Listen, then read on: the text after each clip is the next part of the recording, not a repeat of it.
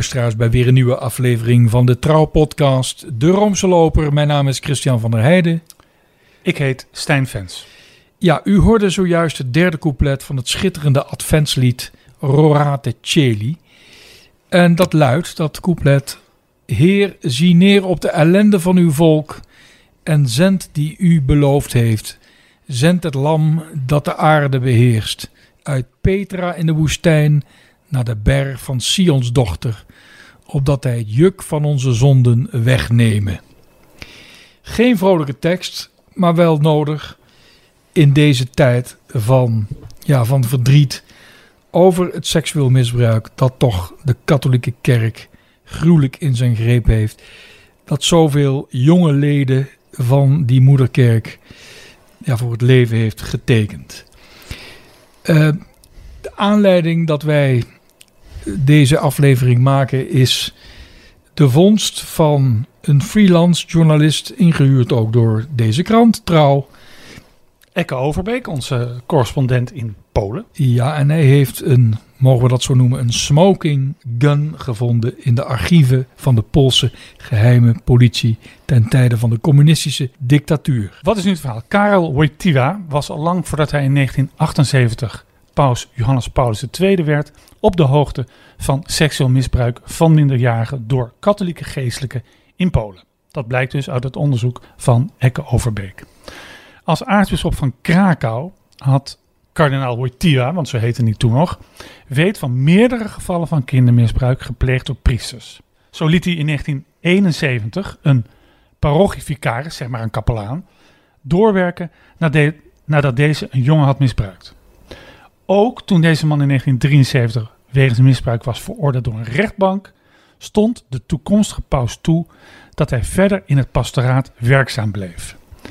En daarna vergreep deze geestelijke zich in een ander Pools bisdom opnieuw aan jongens. Ja. Maar er zouden volgens uh, Ekke zouden er meerdere priesters zijn die dus over de schreef zijn gegaan, die kinderen hebben gemolesteerd in het uh, aartsbisdom Krakau. Waarvan dus Eike zegt, ja, dat had de toenmalige aartsbisschop kunnen verhinderen dat die nog ooit in de buurt van kinderen zouden kunnen komen. Nou, hoe weet Ekke dat allemaal? Hij heeft dus onderzoek gedaan, meer dan twee jaar, bijna drie jaar, in de archieven van de Poolse geheime dienst, de SB. Alleen heel veel van die archieven over Wojtyła die waren al snel na de wende vernietigd. Maar hij heeft dus een plaatje gemaakt naar aanleiding van de stukken die bewaard zijn gebleven. En die stukken gingen dus over die pedofiele priesters. Daardoor is een plaatje ontstaan dat eigenlijk ervoor zorgt dat nou, Wojtyła als degene die eigenlijk helemaal niet wist dat er zoiets als pedocriminaliteit in de katholieke kerk bestond. Dat plaatje dat kan niet meer worden gehandhaafd. Ja, we weten dat onder uh, Ratzinger, kardinaal Ratzinger, die tijdens het pontificaat van Johannes Paulus II de bevrijdingstheologie behoorlijk bestreed, uh, namen ze wel een aantal dingen over van die bevrijdingstheologie. Bijvoorbeeld dat er in de wereld zondige structuren zijn. Maar daarbij vergaten ze eigenlijk dat ook de kerk zondige structuren kent. En een van die zondige structuren was namelijk het doofpotbeleid dat eigenlijk de reputatie van de kerk belangrijker was dan, ja, dan, dan de gezondheid, mentale gezondheid en de veiligheid van die arme kinderen. En we kunnen eigenlijk nu wel vaststellen dat ook Johannes Paulus II, met terugwerkende kracht natuurlijk, als kardinaal, eigenlijk deel was van die zondige structuur. De kwestie waarvoor wij nu staan is: is Johannes Paulus II met het overeind houden van deze onheilige structuur ook een onheilig mens. Nou, alle heiligen die zijn heilig verklaard, die zijn zondig, behalve Maria. Maar je hebt ook je hebt zondaars en zondaars. En een heilige is iemand die op heldhaftige wijze de christelijke deugden heeft beoefend. Maar je zou toch zeggen, dat is toch niet iemand die willens en wetens een zondige structuur overeind laat staan, zoals bijvoorbeeld een dictator. Maar we kunnen nu wel zeggen, tenminste als dit onderzoek deugdelijk is, en wij gaan daar wel van uit. Ik vind het verhaal van uh, collega Overbeek eh, toch wel zeer plausibel. Ja, dan, dan hebben we een probleem, Stijn. Want eh, al heel snel na zijn dood, liefst vijf weken na zijn dood, kondigde eh Jozef Ratzinger aan dat het zaligverklaringsproces van Johannes Paulus II in werking zou worden gezet. In, op 1 mei 2011 werd hij zalig verklaard en op 27 april 2014 al heilig. In sneltreinvaart, op de snelweg naar de kanonisatie. En hij is dus in de hele kerk ter voorbeeld gesteld, ter verering. Nou ja, en de vraag is nu, wat moeten we daar nu mee? Wat moeten we met de heilige Johannes Paulus II? Ja, nu kun je verwachten dat er geluiden komen uit de gevestigde orde van de katholieke kerk die bezwaren maken tegen deze berichtgeving. Want het is ook niet niks als een van de grootste iconen van het moderne eh, christendom in één keer van zijn sokkels afvalt. We hebben het hier wel over eh, Sint Johannes Paulus II. Eh, niemand minder dan de bisschop van Haarlem-Amsterdam, Monseigneur Jan Hendricks, die heeft een artikel eh, geschreven en dat is gepubliceerd in Volzin en, en nog wel op de site van dit levensbeschouwelijke tijdschrift. En ehm, daar maakt hij bezwaar en zegt hij onder meer, en ik citeer, het bericht komt vanuit een geheime dienst uit de communistische tijd. Deze bewijsvoering is zwak, omdat die diensten erop gericht waren de kerk zoveel mogelijk dwars te zitten. Daar zijn heel vergaande voorbeelden van. In het verhaal staat ook nog eens dat de SD, dat is die Poolse dienst, deze priester daarna zelf in dienst heeft genomen als informant. De journalist haalt daarnaast het getuigenis aan van een vrouw die zegt dat ze bij bisschop Wojtyła is geweest om te bepleiten dat de priester in haar parochie zou mogen blijven. Ze meent dat de bisschop dat toch altijd ook wel willen doen, maar dat het niet is gebeurd omdat een andere groep er juist op tegen was. Ik weet niet hoe serieus ik dat moet nemen. Het gebeurt mij als bisschop ook regelmatig dat mensen met mij spreken om vervolgens naar buiten toe te melden dat ik het helemaal met hen eens ben. Dat is niet altijd waar. Einde citaat hè, van de bisschop van Haarlem-Amsterdam. Ja, Ja, ehm, nou, Ecke heeft eigenlijk in zijn hele berichtgeving al daarbij voorbaat antwoord op gegeven. Ja. Want ehm, die stukken waar hij eh, zich op baseert, dat zijn eh, eh, archiefstukken die niet zijn vernietigd. Dan kan- hij ze ook niet bestuderen. Heel veel van de do- documenten uit de dossiers van Wojtyła, die zijn al heel snel na de wende wel vernietigd. Wat ik zojuist al zei, hij heeft dus een beeld ge- geschetst van, op basis van de stukken die er nog wel waren. En dat zijn dus verhoren ook van, die, van enkele priesters die dus met hun tengels aan de kinderen hadden gezeten. En ik moet eerlijk zeggen, als ik dat dan lees, dan kan ik, dan kan ik ook al zou ik heel sceptisch zijn, nooit beweren dit onderzoek deugt niet. nee. Hoe, hoe, hoe kom je daarbij, Ja, Mon- dat- Monsieur Hendricks? Ja, Eh, Dat, dat, je, je kunt het niet leuk vinden, nee. maar je kunt niet zeggen dat het ondeugdelijk is. Nee. Het kan ondeugdelijk zijn. Hè? Ik kan dat niet controleren, jij ook niet. Ik spreek geen Pools, maar ik neem aan. Nou, maar wij kunnen. Ik kan wel zeggen dat, dat Ekke Overbeek een gerespecteerd journalist is en een uitstekende collega van mij. Dat vertrouwen heb ik. Ja, maar dat is wel vertrouwen, maar wij, wij kunnen het niet controleren. Maar ik vind de hele portée van zijn verhalen is overtuigend. Ja, wat wel nog even gezegd moet worden is dat op zondag 27 november, eh, de dag nadat er berichten in de media verschenen, in Polen dan, over misdaden begaan door ene priester Eugenius Surgent. En dat is ook deze parochievicaris, oftewel kaplaan, die een grote rol speelt in, eh, in Overbeeks eh, verhaal. Dat eh, er in de, alle parochies een, een boodschap is voorgelezen, een, eigenlijk een bisschoppelijke boodschap voorgelezen, gelezen, waarbij mensen worden opgeroepen om op zoek te gaan naar slachtoffers van deze kaplaan Surgent. Dus dat was dus een week voordat Ecke met, eh, met dit nieuws eh, brak. Dus in Polen is dat toen bekendgemaakt. Je kunt het allemaal nalezen op internet. Dat hebben wij dus ook gedaan. En alles wat Ekke dus uh, schrijft over die uh, Surgent, dat wordt door de Poolse kerk bevestigd. Behalve dan de rol die Karel Wojtyła daarin speelde.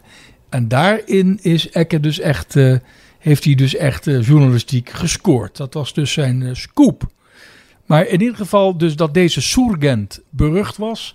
Dat hij heel veel slachtoffers heeft gemaakt. Dat was al een, een, een, een, een bom die, eh, die de kerk zelf heeft laten ontploffen. En dat daarna ook nog eens een keer Wojtyła daarbij was betrokken. Die bom is in Polen ook wel afgegaan, maar heeft toch niet zoveel schade veroorzaakt. Want dat wordt in Polen wordt dat eigenlijk gezien als een aanval op de kerk. En dan wordt er zelfs gezegd, ja, het, het is eigenlijk in de mode om, uh, om, om onze Johannes Paulus II eigenlijk zoveel mogelijk in een kwaad daglicht te zetten. want dat is gewoon uh, ja, bijna het werk van de duivel. Nou, kijk, feiten zijn feiten. Is dat trouwens waar? Zijn feiten feiten? Je kunt natuurlijk een feit altijd in een bepaald narratief een plek geven, zodat een feit misschien toch een andere betekenis krijgt. Ecke heeft bepaalde documenten ontdekt, weliswaar in de archieven van de communistische geheime dienst van Polen. Maar diezelfde archiefstukken die spelen ook een belangrijke rol, bijvoorbeeld bij uh, argumenten die politici gebruiken. Of dat nou een goed argument is of niet, dat weet ik niet. Maar deze Poolse geheime dienst die gingen zo zorgvuldig te werk dat ze de dingen wel opschreven zoals ze waren. En wat wij nu ook weten, dat, dat die Poolse geheime dienst zo cynisch was, dat ze eigenlijk ervoor hebben gezorgd dat die, eh, die, die kaplaan Surgent weliswaar werd veroordeeld. Hè? Nadat hij al zoveel schade had berokkend, eigenlijk omdat hij niet goed was aangepakt. Uh, en dat hij daarna vervroegd werd vrijgelaten en toen in dienst werd genomen. En ze haalden hem niet uit de roulatie, nee. Want dan staat er ergens een, aan, een, een aantekening van nee, zo kan hij nog meer schade toebrengen aan de kleren. En dat is precies wat de geheime dienst wilde, want de kerk werd eh, gezien als de vijand. Nou is het natuurlijk wel zo, als een, uh, een misbruikplegende priester uh, ja, zich voordoet in een dictatuur, wat doe je dan als bisschop? Je hebt als bisschop ook beloofd dat je als een vader zult zijn voor al jouw priesters. Jouw priesters zijn jouw zonen. Moet je dan jouw zonen overdragen aan een dictatuur, waar ze misschien worden gemarteld en zo.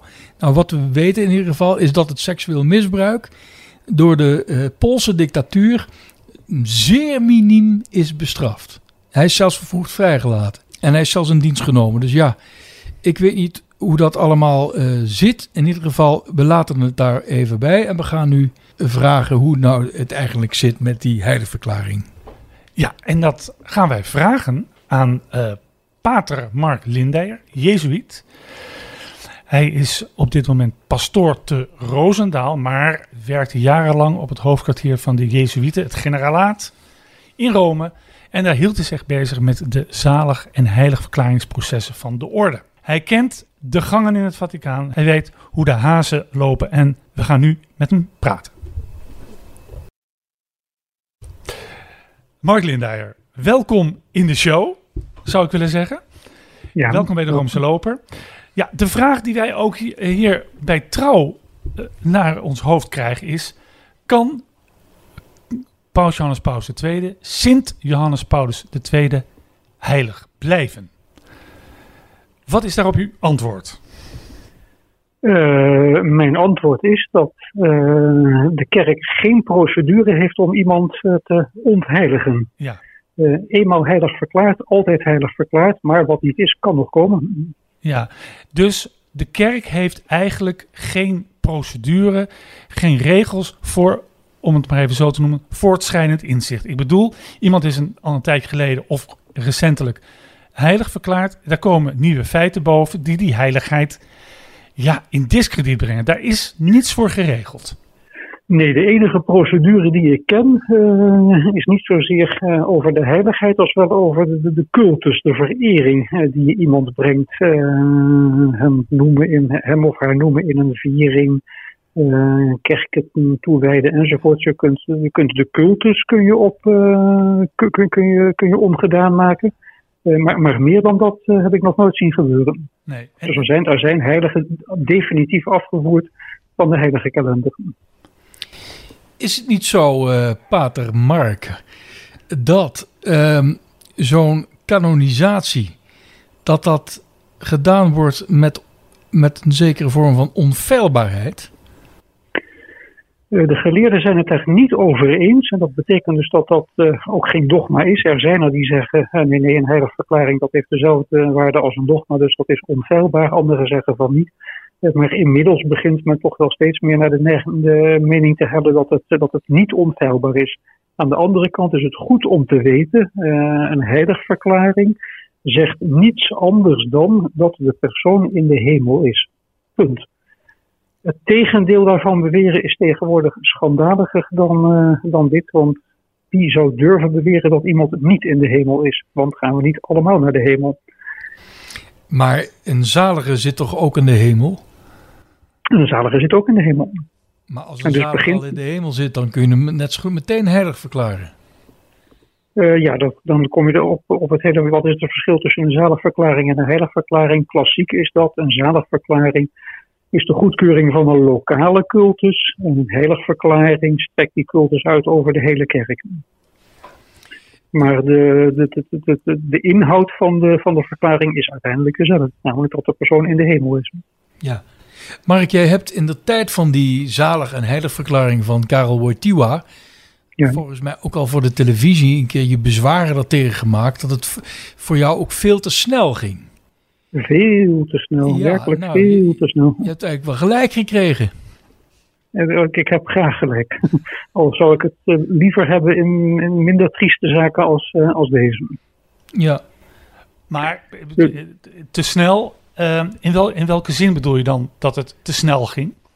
Uh, ja, e-, eigenlijk in, in, meerdere zinnen. Uh, eerst en vooral denk ik dat een hele verklaring toch nog altijd zoiets serieus is dat je er ook gewoon serieus werk van moet maken. Dus ernstig, uh, ernstig onderzoek, het horen van getuigen, het doorspitten van alle archieven en ga zo maar door. ten tweede moet je, heb je tijd nodig om te kijken of een verering beklijft of niet. Er zijn mensen die bij hun dood heilig worden verklaard en waarvan je toch ziet dat de cultus na 15, 20 jaar uh, uitdooft. En zo iemand moet je dan ook niet heilig willen verklaren. En ten derde uh, moet je elk risico uitsluiten, dat er inderdaad lijken uit, uit de kast vallen. En de kans bij iemand als paus Johannes Paulus II, die als paus van de kerk zo lang heeft geregeerd en met zoveel zaken is bezig geweest, ja, dat er inderdaad dingen niet goed zijn gegaan, uh, was gewoon heel groot. Maar nou kan ik me herinneren, als we het hebben over snelheid en heiligverklaringen. Uh, Franciscus, de heilige Franciscus van Assisi, ik geloof drie jaar. Antonius van Padua nog korter. Klopt. Uh, dus uh, ja, is, is snelheid dan altijd bepalend? Want die worden nog steeds over de hele wereld vereerd. Ja, dan moeten we natuurlijk wel zeggen, dit zijn twee voorbeelden van heel erg lang geleden, toen er überhaupt Rome zich nog niet zo heel erg bemoeide met, met de zaken. Ik denk niet dat iemand nu of toen ook maar de minste twijfel zal hebben gehad bij de heiligheid van Franciscus en Antonius. Terwijl we aan de andere kant moeten zeggen, als het gaat om Johannes Paulus II, zijn pontificaat was al niet onomstreden. Tijdens zijn leven uh, werden er al bepaalde bezwaren gemaakt. En het verschil tussen een eenvoudige religieus als Franciscus en iemand die een kerk bestuurt van 1 miljard gelovigen, ja, is, is toch groot. Dus jij zegt eigenlijk, eh, als het gaat om pauzen, hè, want eh, of ze nou ja, heel lang of iets minder lang hebben geregeerd, moet je meer de tijd nemen dan in het geval van Johannes Paus II. En wellicht ook alle oh, andere pauzen die inmiddels zijn heilig verklaard uit de 20e eeuw. Veel meer, veel meer, veel meer. Dus uh, tegenwoordig is de termijn om een, eh, om een zaak te beginnen is uh, vijf jaar. Dus iemand moet vijf jaar overleden zijn. Dan kan de lokale bisschop een verzoek indienen. En dan begint het uh, proces. In de oude procedure voor 1983 deed Rome niks voordat er 50 jaar verstreken waren. En ik denk persoonlijk dat dat een, een hele goede termijn is. En bij pauze zou ik daar gerust een eeuw op willen plakken. Dat geeft je alle kans om te kijken uh, of de faam van heiligheid blijft of niet. En bij Johannes Paulus II was die eigenlijk al tanende uh, op het moment dat uh, Paus Franciscus aan het bewind kwam. En het geeft je ook de gelegenheid om gedegen onderzoek te doen. Want dat, dat is helaas wel waar. Bij een heiligverklaring van een paus wordt nauwelijks archiefonderzoek gedaan. Dus de, de Vaticaanse archieven blijven gewoon dicht. Uh, en men baseert, zich, e-, men baseert zich exclusief op, op, op getuigenissen. Daar schrik ik van. Ja, ik nou, ook. nauwelijks archiefonderzoek gedaan. Nee, nauwelijks. nauwelijks. Dus dat wordt, dat wordt niet gedaan bij Paus. Onder het motto, uh, we kennen hem, we hebben hem, uh, we hebben hem aan het werk gezien. Dat is allemaal niet nodig. En zijn jeugd dan, uh, zijn jonge jaren, de, de, de is van ook, daar, daar, ook, daar, ook daar volstaan in principe getuigenissen van mensen die uh, Wojtyla hebben gekend als jonge knaap, seminarist, priester, bisschop en ga zo maar door. Het feit dat er nu dingen bovenkomen uit, uit de Poolse archieven, ja, spreekt ook, spreekt ook voor zich. Maar dit vind ik eigenlijk nieuws. Ja, dat is het. goed, iedereen die ooit de moeite heeft genomen om een positie, want zo heet zo'n dossier, uh, om een positie van een pauselijke heiligverklaring door te nemen, had dat kunnen zien. Ja, maar ik, ik heb daar, daar, nooit kritisch naar gekeken, omdat ik dacht, natuurlijk wordt er archiefonderzoek gedaan. Natuurlijk. Uh, dat, dat... Maar, dat, maar dat kan helemaal niet. Ik bedoel, als je, als je gewoon kijkt naar de tijd die er ieder verstreken is uh, om Johannes Paulus II zalig te verklaren. Dus dat is de fase van het, uh, van het onderzoek, de getuigenverhoor en het eventueel naar de archieven. Uh, als je vervolgens kijkt hoe immens de, de Vaticaanse archieven zijn uh, voor het pontificaat van Johannes Paulus II, als je daar fatsoenlijk onderzoek in wil doen, ben je gewoon, dan ben je gewoon decennia kwijt. Pater Mark, wat, wat zeg ja. jij nu tegen de gelovigen die Sint Johannes Paulus II nog steeds als een heilige vereren en dat ook willen blijven doen? Ja, ik, ik, denk dat ze daar hun eigen keuzes in, uh, in moeten maken. Die, het is heel erg ingewikkeld. Dus de, wat nu boven, boven tafel komt, uh, zou voor elke andere persoon voldoende zijn geweest, denk ik, om, om de procedure onmiddellijk stop te zetten. daar, zijn, daar zijn ook inderdaad voorbeelden van bekend. met name door stichters van van moderne groepen. Maar goed, dan is vervolgens uh, de vraag, uh, ja, hoe, is dat verder gegaan tijdens het pontificaat van Johannes Paulus II? Hoeveel doofpotten en lijken in de kast uh, zijn daar? En dan ga je vervolgens je, als gelovige je overwegingen maken. Wat, wat, telt voor jou het, wat telt voor jou het zwaarst? Ik denk dat er nog steeds mensen zijn die zeggen, nou, Matthijs van Nieuwkerk, geweldige presentator daar bewonder ik hem om. Of Kevin Spacey, uh, wat een geweldige auteur, acteur. Uh, ik blijf zijn films kijken, ondanks alle onfrisse details uit zijn, zijn persoonlijk leven. En ik kan me voorstellen dat er gelovigen zullen zijn die zeggen: ja, dat had hij niet moeten doen. Maar aan de andere kant, wat heeft Johannes Paulus II niet betekend voor de vernieuwing van de kerk?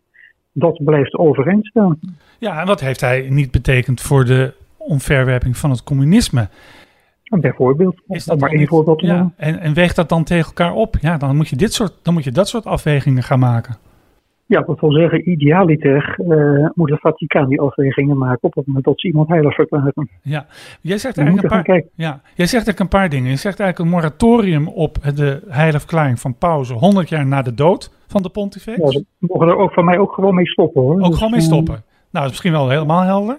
Dus uh, Benedictus XVI, nou ja, die, uh, die is, heeft niet meer tientallen jaren te gaan. Om het maar, uh, nee. Die zit aan het eind van zijn leven. Ja, de kans is natuurlijk groot dat als hij overlijdt, Franciscus ook dat proces gaat starten. En dan hopen en bidden wij dat Paus Franciscus, die toch in zoveel opzicht vernieuwend is geweest en blijk heeft geschreven van gezond verstand, dat hij zegt, uh, oké, okay, uh, Johannes Paulus I hebben we nog uh, zalig verklaard, maar ja, laten we er nu maar mee stoppen. Dat, over, dat zou in ieder geval mijn wens zijn. Over Paus Franciscus gesproken, hij heeft naast Johannes Paulus II ook Johannes de 23ste heilig verklaard. En nog ja. wel zonder wonder. Ja. stel dat daar eens onderzoek naar wordt gedaan in de archieven van de bisdommen die hij heeft geleid wat voor smoking guns kun je daar aan treffen? Want je maakt mij niet wijs dat in die Noord-Italiaanse bisdommen of in Venetië, waar hij patriarch van was, dat daar geen uh, pedofilie bestond. Maar natuurlijk niet. Dat is, ja, het, is, het is rot om te zeggen. Uh, het, het, is van alle tijd en het is van alle milieus. En dat, dat, dat zien we nu meer dan ooit. Er is, er is geen, geen, geen, geen gebied in de samenleving, sport, cultuur, onderwijs. Uh, ga zo maar door. De familie, uh, nog altijd de grootste, het grootste domein waarin seksueel misbruik wordt gepleegd. waarin dit voorkomt. Ik heb zelf archiefonderzoek gedaan in, in de Jezuïetenarchieven in die, over de jaren 20, 30, 40, 50. En dat was bijna geen, uh, geen deel in de wereld waarin inderdaad geen, uh, ja, zoals dat toen heette, trieste zaken voorkwamen. Ja. En het was altijd hetzelfde verhaal. Uh, ja, hoe, hoe, houden we het, hoe houden we het geheim? de, man, de man maar weer verplaatsen. En het ergste van alles in die, dat soort correspondentie is dat je inderdaad ziet dat er voor de slachtoffers ook niet heel veel, heel veel aandacht was. Nee, uh, even uh, voor alle duidelijkheid, jij bent ook historicus, hè? Ja, ja ik ben uh, historicus van, van beroep. Of van, van, voor, gepromoveerd, gepromoveerd historicus. Zeg ik toch even bij. Maar jij, bent, maar jij bent ook pastor. Heb jij, tot slot, voor ons ja, katholieken toch ook een troostend woord, een pastoraal advies hoe we met deze onrust moeten omgaan? Jij bent Jezuïet en onrust speelt een grote rol in in de Ignatiaanse spiritualiteit, is niet? Ja, ja, blijf kritisch uh, aan de ene kant en blijf geloven aan de andere kant. Dat de rechtvaardigheid en barmhartigheid altijd, uh, altijd hand in hand moeten gaan. Maar dat we toch alsjeblieft steeds voorzichtiger worden met het mensen op, uh, op voetstukken plaatsen. of dat is het, klerikalisme waar Paus Franciscus voortdurend tegen vecht. En waarvan ik toch denk dat ja, alles wat met seksueel misbruik in de kerk te maken heeft, ook daaraan uh, aan gelieerd is. Laten we alsjeblieft klein, nederig en, uh, en dienstbaar blijven. Dankjewel. Wij waarderen het zeer dat je even, je had een drukke vergadering, even snel met ons contact hebt opgenomen per telefoon. En we hopen je snel weer te zien. Tot ziens. Luisteraars, eh, dit was het weer. Dank voor uw welwillende aandacht. Tot de volgende keer.